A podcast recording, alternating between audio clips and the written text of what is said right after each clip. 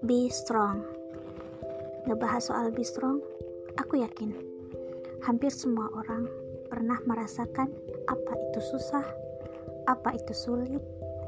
Tentu hampir semuanya pernah berjuang, bahkan mungkin sebagian dari sahabat semua hampir menyerah atau malah udah nyerah duluan. Bagaimana cara kita agar tetap be strong meskipun masalah datang bertubi-tubi? Aku akan ngobrol dengan seseorang yang bisa membuat kita jauh lebih bersemangat dan beliau juga begitu banyak banget pengalaman hidup yang bisa kita jadikan pelajaran dan bisa menyadarkan kita bahwa menyerah itu sangatlah salah besar. Apa pun masalah yang sedang kita hadapi, don't give up.